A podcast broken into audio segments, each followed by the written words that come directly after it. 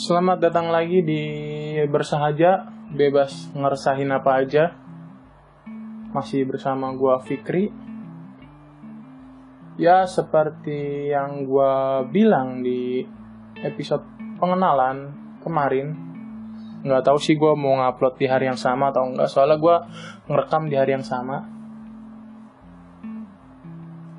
Banyak banget topik-topik yang pengen gua bahas udah ada di pikiran gue. Salah satunya topik yang akan gue bahas pada episode kali ini. Topik ini tuh baru gue bahas secara sering, baru sekitaran dua tahun ke belakang, bahkan belum dua tahun lah, masih setahun lebih menuju dua tahunan gitu. Sekit, uh, bulan Agustus 2018 kayaknya gue mulai ngebahas hal ini secara sering gitu.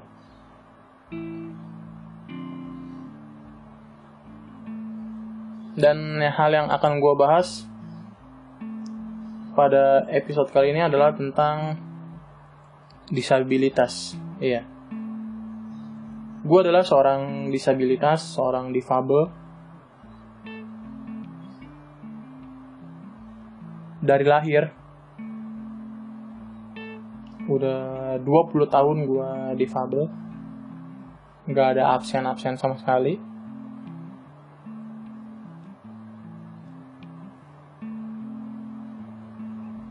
Difabel gue tuh dibilang nanggung enggak.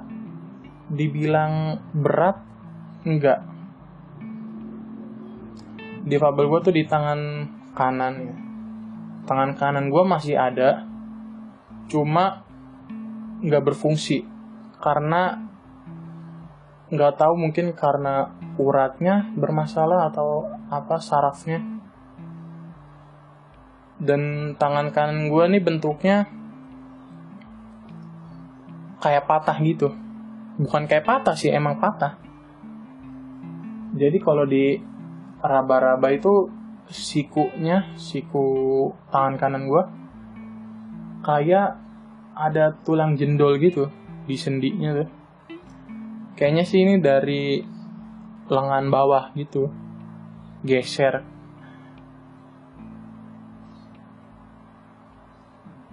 kalau dilihat-lihat ya tangan kanan gue kayak sayap ayam gitu.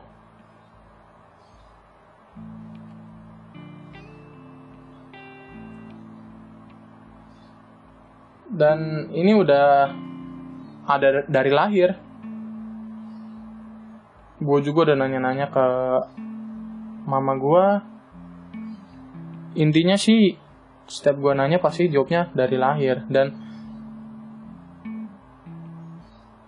dan beliau juga suka cerita gitu. Apa penyebabnya? Sebenarnya dia ceri cerita tuh tentang proses kelahiran gua dan mungkin kalau di gabung-gabung itu masuk akal kenapa gua bisa seperti sekarang ini. Jadi gua dulu tuh lahir dengan berat 5 kilo setengah. Iya Sumpah, kata ma gue segitu berat gue. Gak tau itu segede apa gue nggak nggak kebayang lah. 5 kilo setengah. Dan gue bingung kenapa dulu gue nggak diliput media ya. Gue tuh 5 kilo setengah dan lahir secara normal. Lewat lubangnya mama gue gitu normal lu bayangin aja. Lima setengah. Bayi itu tiga kiloan aja udah bisa dibilang besar gitu. Apalagi lima kilo setengah. Bukan cuma lima kilo lima kilo setengah. Lima ribu lima ratus gram. Buset. gas aja tiga setengah kilo. Eh sorry tiga kilo ya gas ya tiga setengah mah liter jakat itu mah. Iya gue lima setengah lahir secara normal. Dan katanya tuh dibantu pakai vakum gitu disedot. Karena ya ya kebayang lah ya.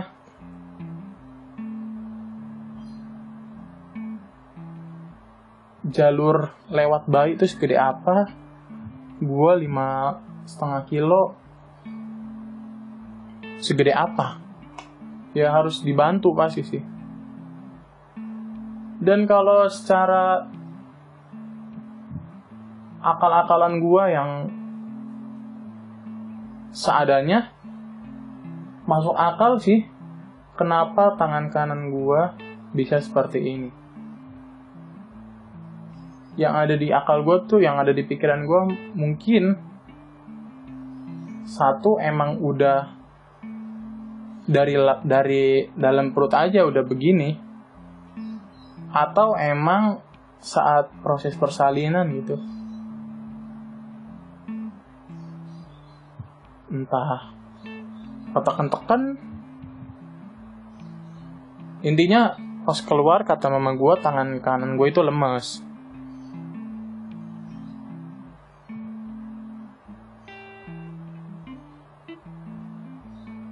udah dicoba-coba digerak-gerakin juga tetap lemas. Dikasih minum extra jos juga masih lemas gitu. Nggak lah bercanda ya. Intinya masih lemas gitu tangan gua.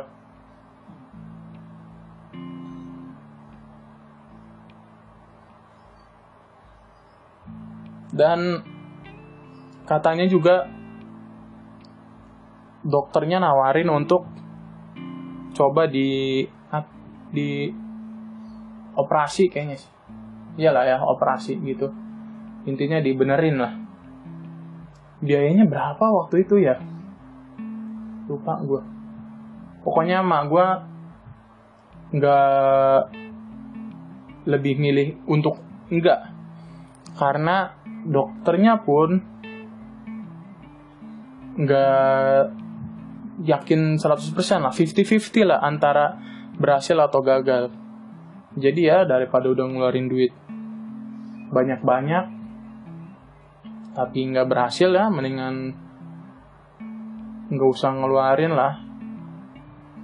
Mending duitnya buat yang lain gitu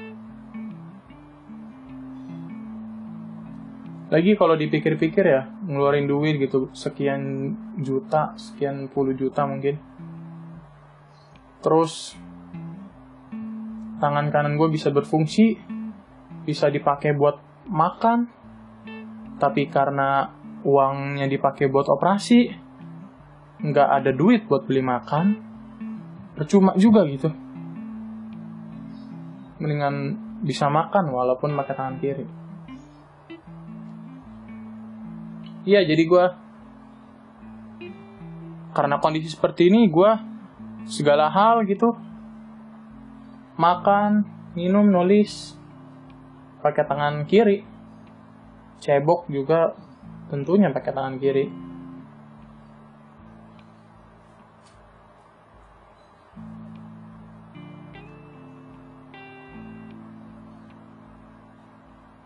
Tapi mama gue tuh nggak cuma berhenti sampai situ. Ma gue tuh ngebawa gue ke uh, tukang-tukang urut lah. Segala, semua tukang urut kayaknya deh hampir semua tukang urut itu udah dicoba. Sampai yang di Bekasi di mana nggak tahu lah gue dulu tuh emak gue suka bawa gue cerita dibawa ke tukang urut diurut tentunya. Dan emang kayaknya ya udah takdir gitu. Ya nggak bisa lah disembuhin.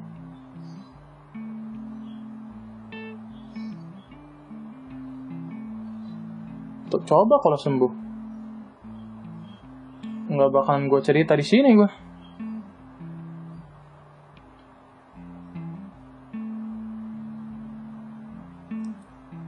dan seperti yang gue bilang tadi gitu kondisi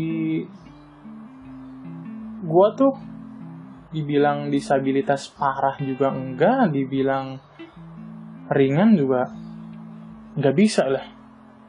Ya namanya juga disabilitas gitu nggak ada yang ringan lah. Ada sih. Cuma nih tangan kanan gua nggak berfungsi. Kalau dibandingin sama yang lain gitu sampai nggak bisa dengar nggak bisa lihat nggak bisa bicara bahkan nggak bisa jalan itu ya nggak ada apa-apanya lah disabilitas gua. Cuma kalau dipikir-pikir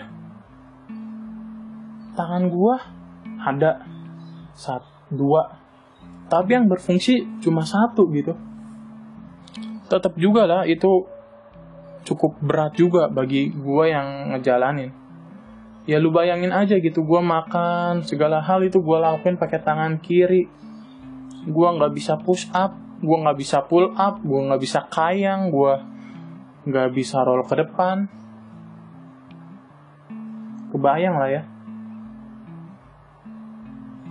gue nggak bisa naik motor. Kalau nggak dimodif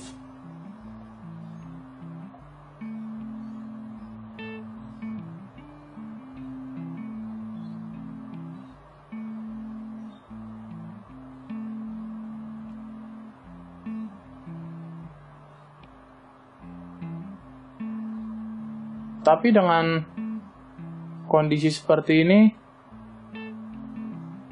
mama gue tetap masukin gue ke sekolah umum. Iya. Gue nggak dimasukin ke sekolah luar biasa gue tetap di sekolah umum bersama teman-teman yang lain gitu. Dari TK ya mungkin karena TK juga nggak ada nggak ada TK luar biasa sih. TK sih rata-rata ya umum aja gitu. TK gue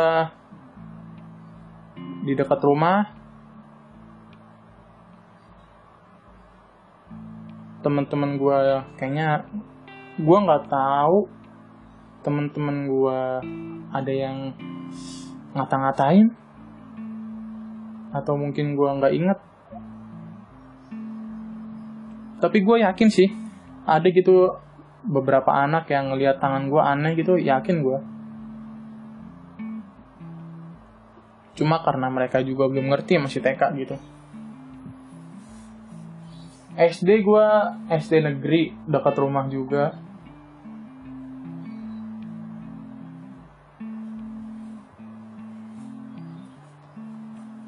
Di SD ada udah mulai gue tuh ngerti gue dikatain diledek-ledekin. Tapi gue nggak pernah sakit hati banget sih. Ya, mungkin pernah lah ya. Cuma udahlah gitu doang. Namanya juga bercanda gitu. Toh gue juga ngatain mereka. Gue ngatain nama bapaknya. Ya namanya juga anak SD lah. Bercanda bercandanya kan seperti itu ya.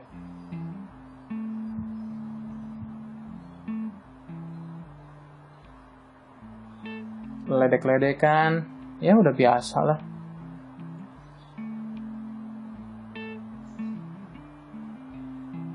dari SD, SMP, SMA tuh gue sekolah di sekolah negeri.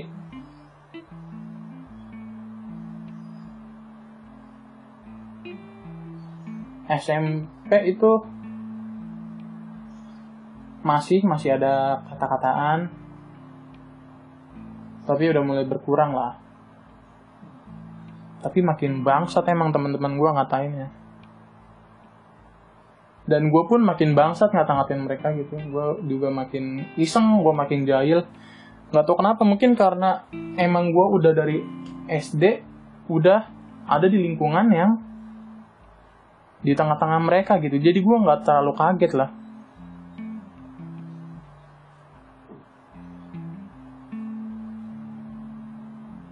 Bahkan gue beberapa kali berantem gitu aneh juga sih gue berantem ya dulu ya. SMA udah makin berkurang malah cenderung udah hilang aja gitu.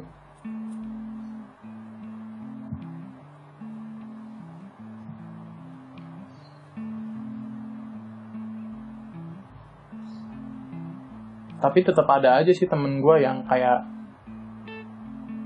gue yakin dia nggak niat ngaget nggak ngaget. Gue gue yakin dia nggak niat ngapain?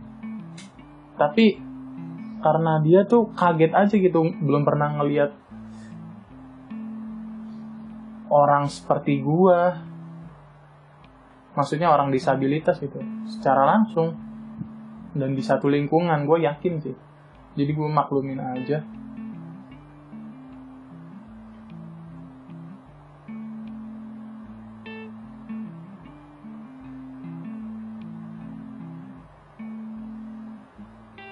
bahkan kalau gue inget-inget ya selama sekolah tuh dari SD sampai SMA gue nggak pernah ngadu kalau dikatain yang berbau-bau yang masih berhubungan dengan disabilitas gue gitu. Gue nggak pernah ngadu ke orang tua ke orang rumah nggak pernah. Gue malah ngadu kalau diisengin gitu berantem. Baru tuh gue ngadu. Dan mak gue tuh sok-sok jagoan gitu so pengen ngelabrak anaknya ngelabrak temen gue dan selalu gue larang lah ngapain gitu so asik.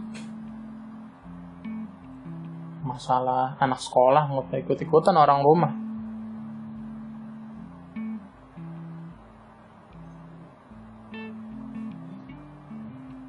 Tapi gue bersyukur sih gue di sekolahin di sekolah umum bisa berbaur dengan teman-teman.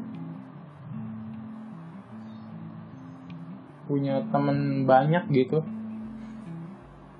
Meskipun kalau dibandingin orang lain temen gue nggak terlalu banyak. Cuma emang gue sendiri nggak mau punya teman banyak.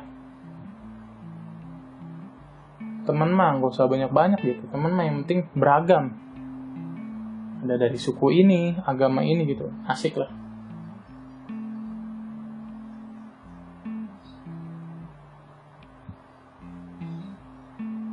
sekarang gue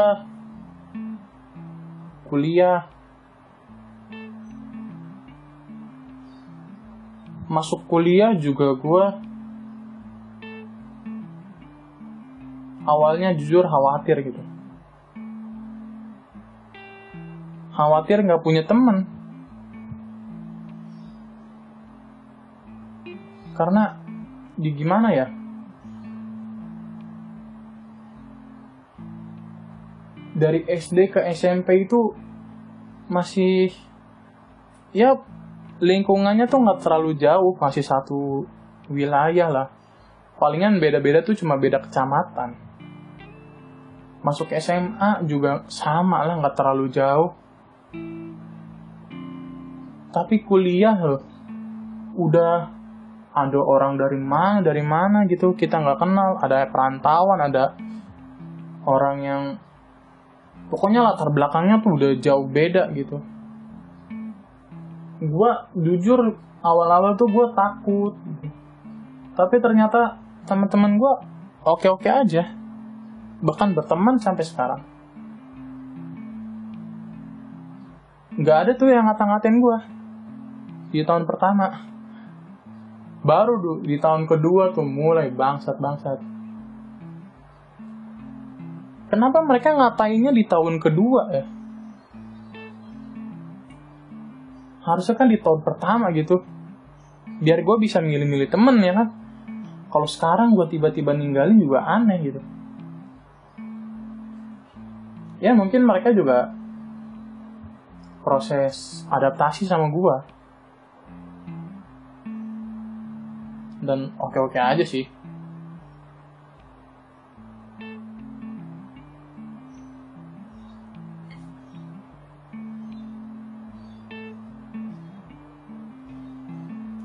Gue juga selain itu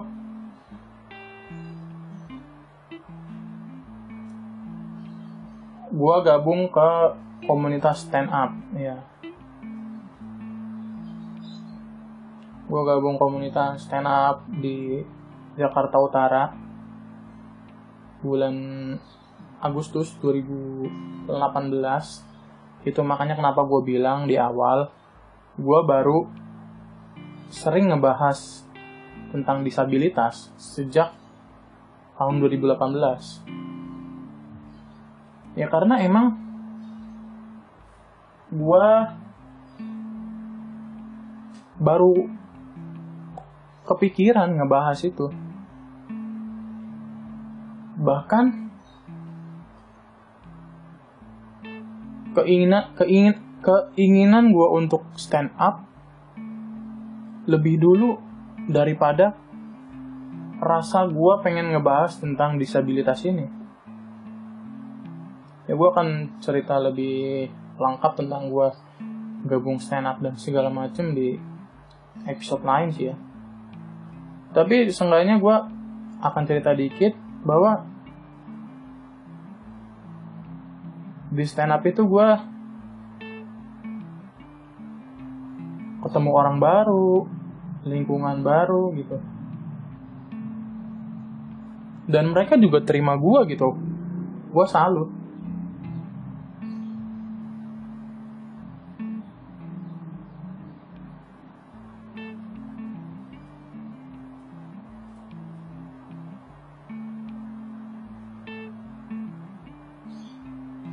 Dan karena gue makin gue kan kuliah.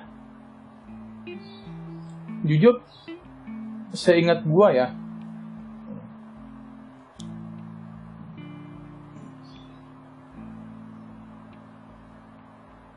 pertama kali gue berhadapan secara langsung seingat gue berhadapan secara langsung dengan teman-teman disabilitas yang lain itu semenjak gue kuliah. Seingat gue kejadian pertama itu ketika gue lagi berangkat kuliah naik Transjakarta di sebelah gue tuh ada orang tuli dua orang ngobrol pakai bahasa isyarat.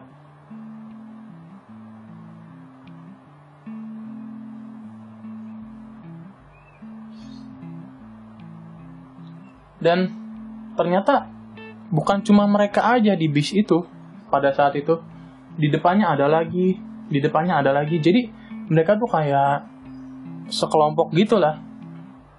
Dan mereka turun di halte Cempaka Mas lanjut jalan dia transit gitu. Kayaknya dia pengen ke Monas atau ke mana lagi ya? Istiqlal nggak tahu lah. Pengen jalan-jalan sih kayaknya itu. Itu pengalaman pertama gue gitu. Gue salut bisa ngeliat sendiri. Dan gue ngeliat salah satu di antara mereka tuh video callan gitu. Video call pakai bahasa isyarat dengan temennya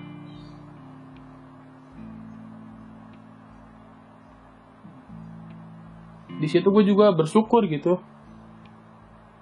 Gue disabilitasnya tuh nggak terlalu parah.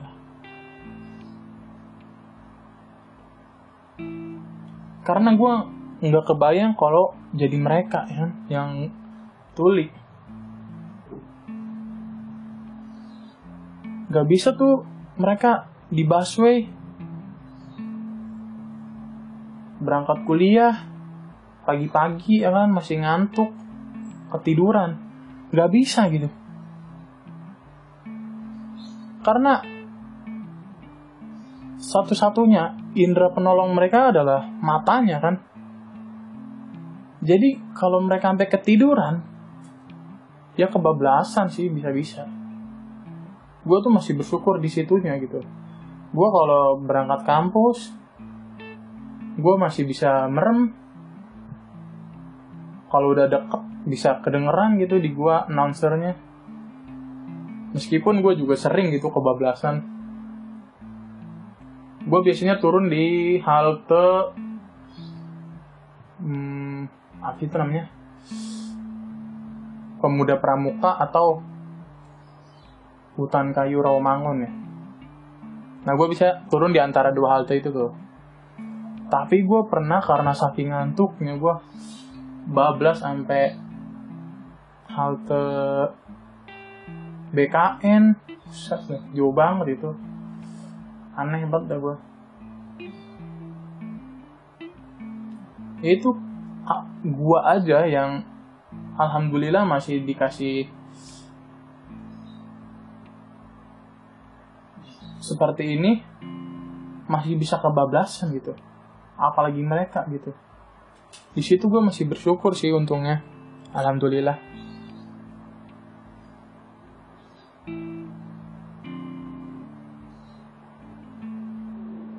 gue juga pernah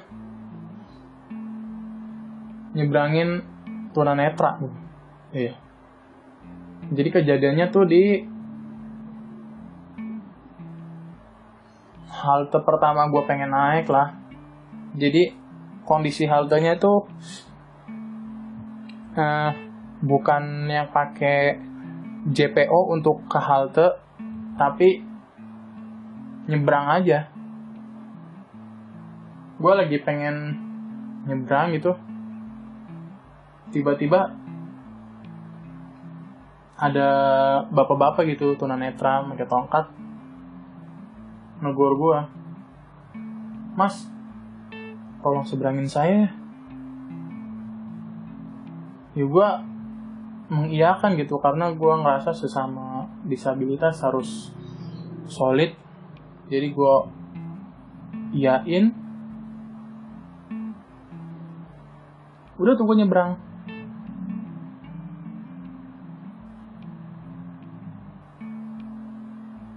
gue di situ ngerasa berguna sekali gitu hidup gue bisa nyebrangin warna netra. Meskipun di situ kondisi jalannya ya kalau gue pikir-pikir lagi tuh gue agak aneh juga sih gue mengiyakan kondisi jalannya tuh. Arah kendaraan datang dari sebelah kanan dan tangan gua yang kanan ngangkatnya itu nggak bisa kayak tangan kiri gua. Cuma stop setengah pun enggak lah. Ngangkatnya cuma berapa derajat itu ya tangan gua. Dan gue mengiyakan ya karena udah bilang iya gitu nggak bisa. Masa tiba-tiba gue nolak? Akhirnya gue seberangin tuh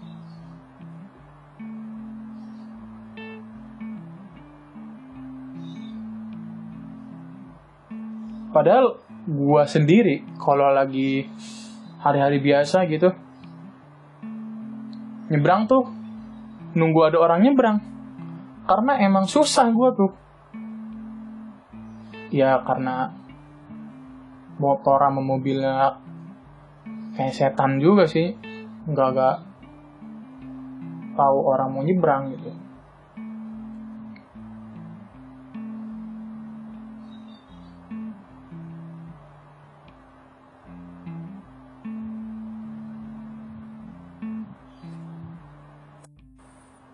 dan gue juga punya pengalaman datang ke kedai kopi buatan teman-teman tuli. Gokil emang gue salut sama mereka nih teman-teman tuli. Nama kedainya itu kopi sunyi di daerah Cipete waktu itu. Gue datang karena penasaran. Dan gue begitu datang gue tuh salut gitu. Di tempat itu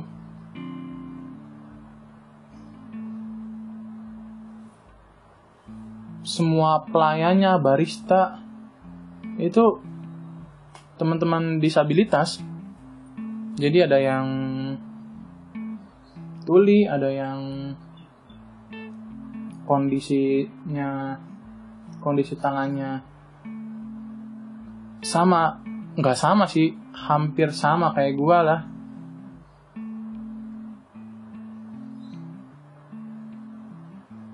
Gua tuh selalu sama orang-orang yang punya ide buat bikin tempat-tempat kayak gitu. Selain kopi sunya ada juga tuh di daerah Duren 3 kalau nggak salah. Namanya kopi tuli. Itu juga sama konsepnya. Cuma kalau yang kopi tuli kayaknya lebih ke pelayannya itu teman-teman tuli karena emang sesuai namanya sih. Dan yang di kopi sunyi itu kopi kopinya enak gitu. Gue sih cuma nyobain yang kopi susu karena emang lebih suka kopi susu gitu. Kopi susu terus gue nyoba makanannya juga enak di situ. Gokil menurut gue tempatnya juga keren gitu. Dan jadi ada pengalaman sendiri gue pesan kopi di situ. Mesennya nunjuk-nunjuk karena emang gue nggak bisa bahasa isyarat. Tapi gue tertarik sih pengen nyoba belajar bahasa isyarat suatu saat.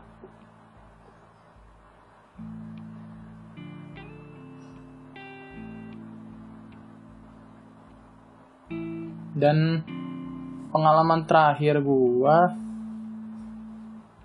yang berhubungan dengan disabil teman berhubungan dengan teman-teman disabilitas yang lain itu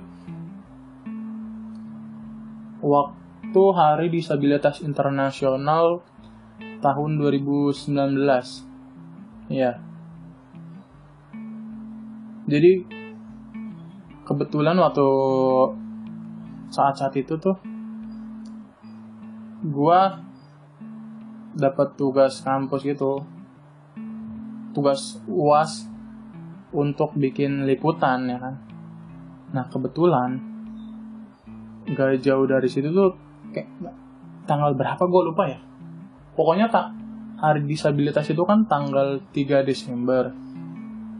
Cuma yang kegiatan acara puncaknya itu tanggal berapa ya? Gue lupa. Kayaknya tanggal tanggal segitu juga. Jadi gue kasih ide gitu ke teman-teman gue yang sekelompok. Kita ngeliput ini aja nih acara perayaan Hari Disabilitas. Ya udah tuh kita berangkat acaranya di GBK di apa sih tuh Plaza Barat kayaknya. Dan di situ tuh gile disabilitas semua tuh teman-teman disabilitas tuh banyak di situ. Ada yang buka stand, ada yang punya usaha-usaha apa segala macem, ada yang tampil ada marching band tunanetra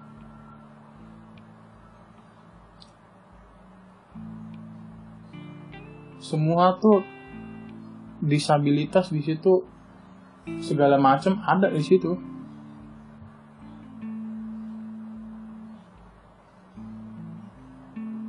Meskipun untuk acara untuk tempatnya sih gue kurang suka ya. Karena jarak jalannya itu kan udah kebag udah keambil sama sama booth di kiri dan kanan ya jadi sisa jalan tuh palingan cuma 2 meter atau 3 meter lah. Nggak nggak luas lah pokoknya nggak lebar gitu jalanannya. Sedangkan udah orangnya marame ada teman-teman pengguna kursi roda juga.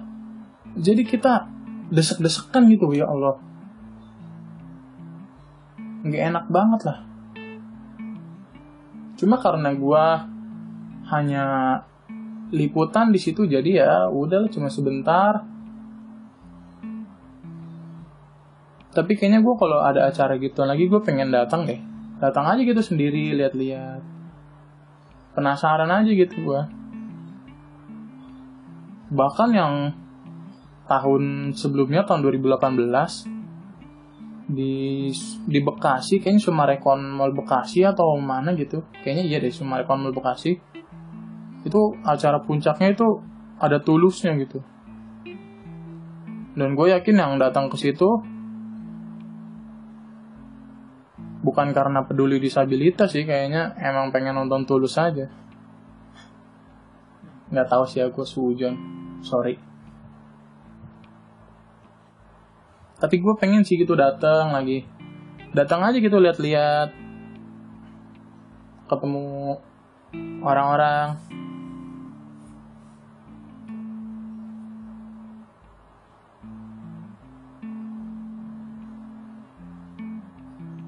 kayaknya gue pengen bikin pengen berkontribusi gitu di dunia disabilitas di Indonesia gitu.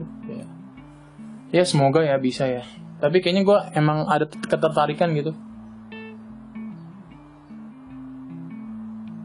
Entah jadi apa tapi tertarik aja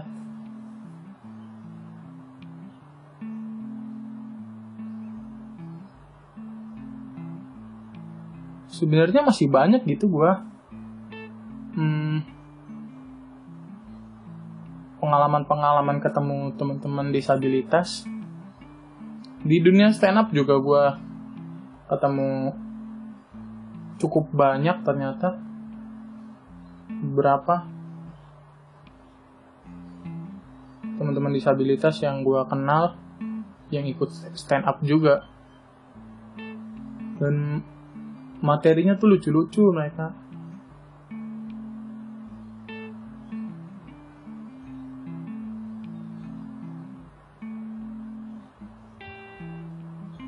Ya intinya sih kalau kita udah berdamai sama diri kita sendiri apa pun masalah hidup kita hmm, kayaknya kita akan enjoy aja hidup itu ya karena gimana ya kayak orang-orang seperti gue dan teman-teman disabilitas yang lain gitu. Kalau hidupnya nggak enjoy gila sih. Pasti stres pasti. Ya karena kondisi seperti ini nggak bisa sembuh gitu. Ini tuh bukan flu yang bisa sembuh. Ini tuh seumur hidup sampai kita meninggal ya kita begini. Tinggal kitanya aja. Men mengalahkan rasa sedih itu. Meskipun gue juga pribadi masih suka kepikiran gitu ya. Anjir gue sampai tua begini nih. Bagaimana gue lima tahun ke depan hidup gue gimana gitu. Gue tuh masih ada rasa takut seperti itu. Cuma ya ntar hilang, ntar muncul lagi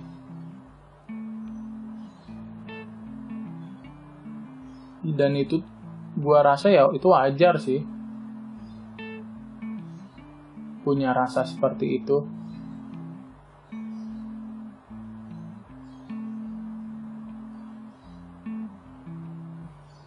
BTW gokil juga gua ngomong udah mau 40 menit ya. Siapa gua ngomong 40 menit? Penting juga enggak? Terkenal juga enggak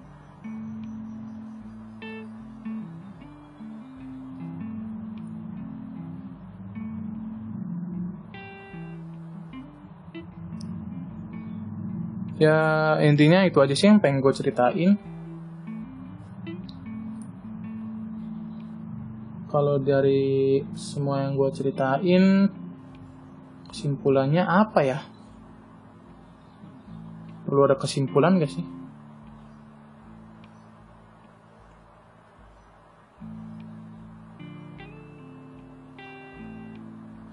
Ya intinya kalau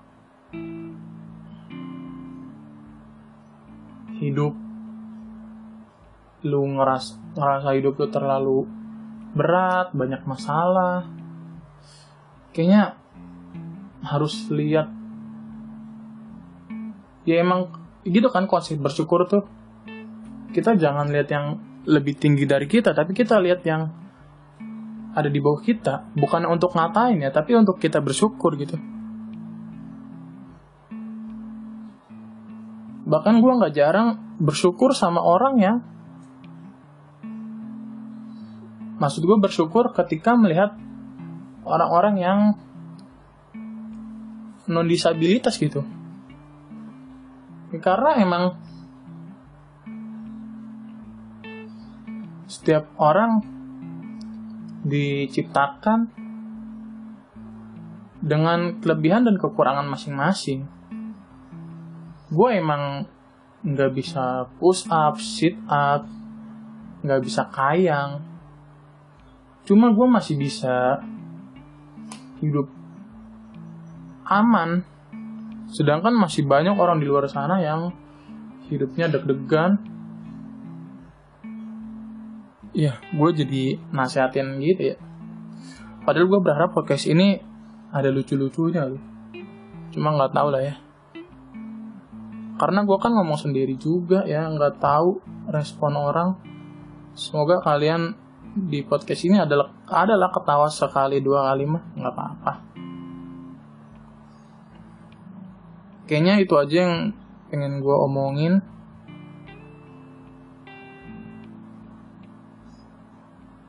Udah 40 menit ternyata Gokil gue gak nyangka bakalan selama ini.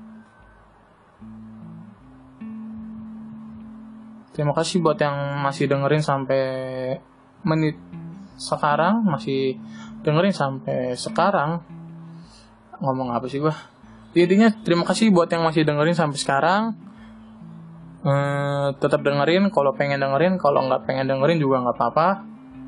Karena masih banyak podcast yang lebih bagus dari podcast gue gue kan cuma pengen cerita kan terima kasih sampai jumpa di episode berikutnya. Dadah